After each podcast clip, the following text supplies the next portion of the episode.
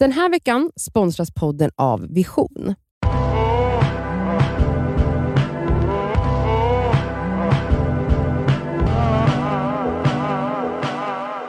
Du lyssnar på Det skaver svarar med. Nadja och Elsa och Kassa. Kassa. Vi går direkt in på frågan som lyder. Hej Sande Skaver. Jag är en snubbe på 22 år som har oerhört svårt för förhållanden och känslor i allmänhet. Och det är framför allt för att jag är så rädd för att såra tjejen i fråga. Det gäller även familj och killkompisar ska tilläggas. Men eftersom i princip alla tjejer har gått igenom svårigheter med snubbjävlar så är det sista jag vill är att spä på det, det såret. Och nu pratar jag inte om att jag är rädd för att vara otrogen eller behandla henne illa. Utan jag är rädd för att göra minsta lilla snedsteg, hur litet det än är. Detta gör att jag går runt på helspänn hela tiden och undviker istället förhållanden för att inte riskera något. Kanske är det en offerkofta jag drar fram? Frågetecken. Tycker jag synd om mig själv och är det där problemet ligger? Frågetecken. För det är ju faktiskt tjejen som är sårad och inte jag. Hur som helst så hade det varit intressant att höra er diskussion om detta. Roasta mig mer än gärna. Jag vill bara få ett yttrande av kvinnor och inte bara mina killkompisar. Okej, Och sen så skriver han en massa tack för att han lyssnar och är så gullig. Nej men Jättesöt. alltså Mm. gulleplutt. Hur gammal var han? 22.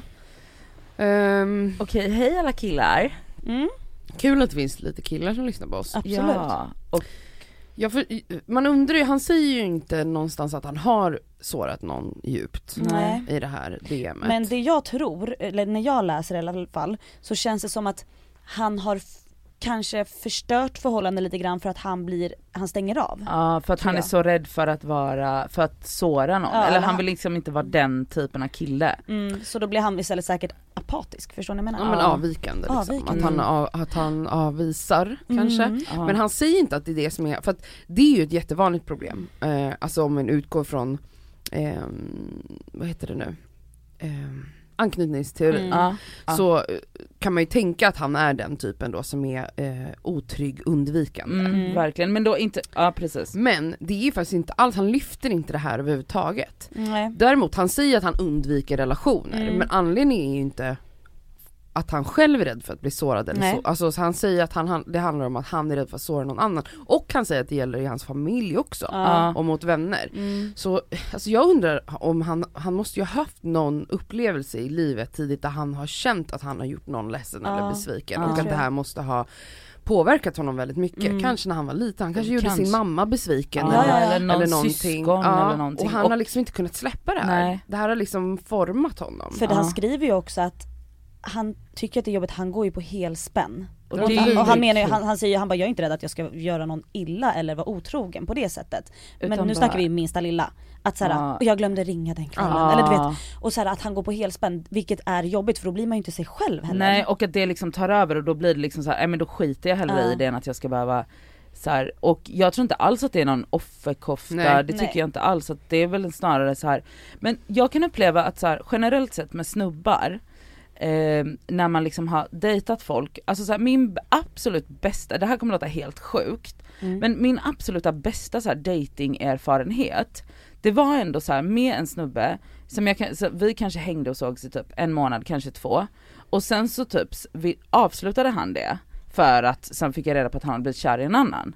Men jag måste ändå säga att det var ändå en av mina bästa datingupplevelser därför att han var liksom så här fin och rak och ärlig hela vägen även när han behövde ta det här, skicka det här smset till mig eller ta det här samtalet till mig och jag kan, så här, även, alltså jag hade det, det är liksom inte så att jag är inte heartbroken. Nej det jag, gjorde inte mindre ont. nej, nej och jag kan Eller? liksom komma ihåg den här datingerfarenheten med varma känslor idag Mm. för att det blev liksom inget douchigt, det blev liksom inget dubbelspel. Men han ghostade sig Han inte ghostade sig inte ut och det är väl liksom så här det som man kan säga till snubbar generellt som jag tycker kanske så här. Även om de har good intentions ibland så blir det så här bara, ja men jag orkar inte ta det här samtalet så nu bara undviker jag det här för Mm. att man inte vill vara douche. För jag vill inte såra dig. Men man vill ut. inte Men så gör tjejer också faktiskt. Ja jag vet men nu i och med att det här, Mm. men jag, jag tycker typ att det är ett mer, alltså snubbar har en större tendens till att så här Att undvika jobbiga samtal. undvika jobbiga samtal och Mm. man bara fast vänta det är ju att du undviker jobbiga samtal som gör dig till en douche. Mm. Så bara så nej det kommer inte vara ett kul samtal men samtidigt så här, om du bara behandlar mig inte som en så irrationell galen kvinna utan bara som en så här Alltså det här har hänt, jag har fått känslor för en annan, vi kan inte ses mer. Mm. Nej det var inte jättekul att höra. Men ändå så skönt att få Men ett rakt så svar. skönt att få ett svar. Problemet med det där är, liksom. jag tror att väldigt många som, som väljer ghostingvägen, alltså jag tror majoriteten gör det, Ja. eh, tror jag ligger i att dels att folk tycker det är jobbigt att ha jobbiga samtal såklart, Mm. och det är jobbigt att såra någon, precis Ja. som den här personen säger. Verkligen. Mm. Men också eh, så tror jag att det handlar jättemycket om att man inte vill avsäga sig bekräftelsen man får av att någon tycker om en. Mm. Det här tror jag är en ganska underliggande grej också. Mm. Jag märker det jätteofta på vänner och killar och tjejer, alltså blandat, som dejtar eller träffar någon och bara så här, mm, för de tycker ändå typ, de vägrar liksom avsluta, de säger så här: nej det kommer inte bli någonting det här, Mm. jag vet att det inte kommer bli något. Så bara okej men har du sagt det till den här personen? Nej, nej. Ja. Och sen hörs de ändå lite då och då. Och då är det så här, för att du vill ändå fida på den här människans den här, upp, ja. uppskattning eller uppmärksamhet och det är ju fan riktigt fittigt Mm. alltså. Men det är, alltså det är, Och jag menar jag har gjort det själv, alltså Mm. att jag bara varit så här.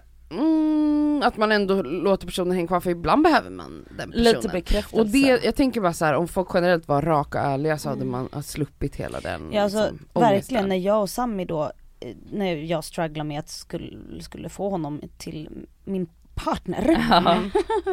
i ett halvår där tog det väl ungefär. Alltså då, då ha- hade vi ju liksom, jag hade diskussioner med honom. Han, Han. ju alltså, tunghäfta, alltså musslan visste inte vad han skulle säga eller någonting, alltså överhuvudtaget. Det var helt Så jag satt bara och pratade med en vägg. Alltså vi pratade om, alltså det kunde vara om allt möjligt, alltså vilka känslor som helst. När det var att jag tyckte att så här, ja, men du hörde inte av dig, varför gjorde du inte det? Hallå? Hallå? Ja, men förstår ni? Psykopat. Ja, men, och jag tror att den här, han, för att Sami då hade väldigt svårt att öppna sig och prata känslor, idag har han ju inte det. Men det är sånt som han har fått öva fram. Mm. Men på den tiden, då sa jag, då slutade vi ses. För att jag bara, det här funkar inte, jag kan inte prata med en vägg. Nej. Och han var så här. Det Men lilla då, han, han fick var fram fortfarande apatisk även där. det lilla han fick fram var Det är så här jag har gjort i alla, med alla tjejer jag har träffat. Men gud. De vill inte träffa mig. Man bara, okej sök hjälp. Gud vad hemskt av killar. Förstår du? Nej, och för att han var så van vid att så här, han fuckar upp alla förhållanden och det kanske den här pöjken också gör.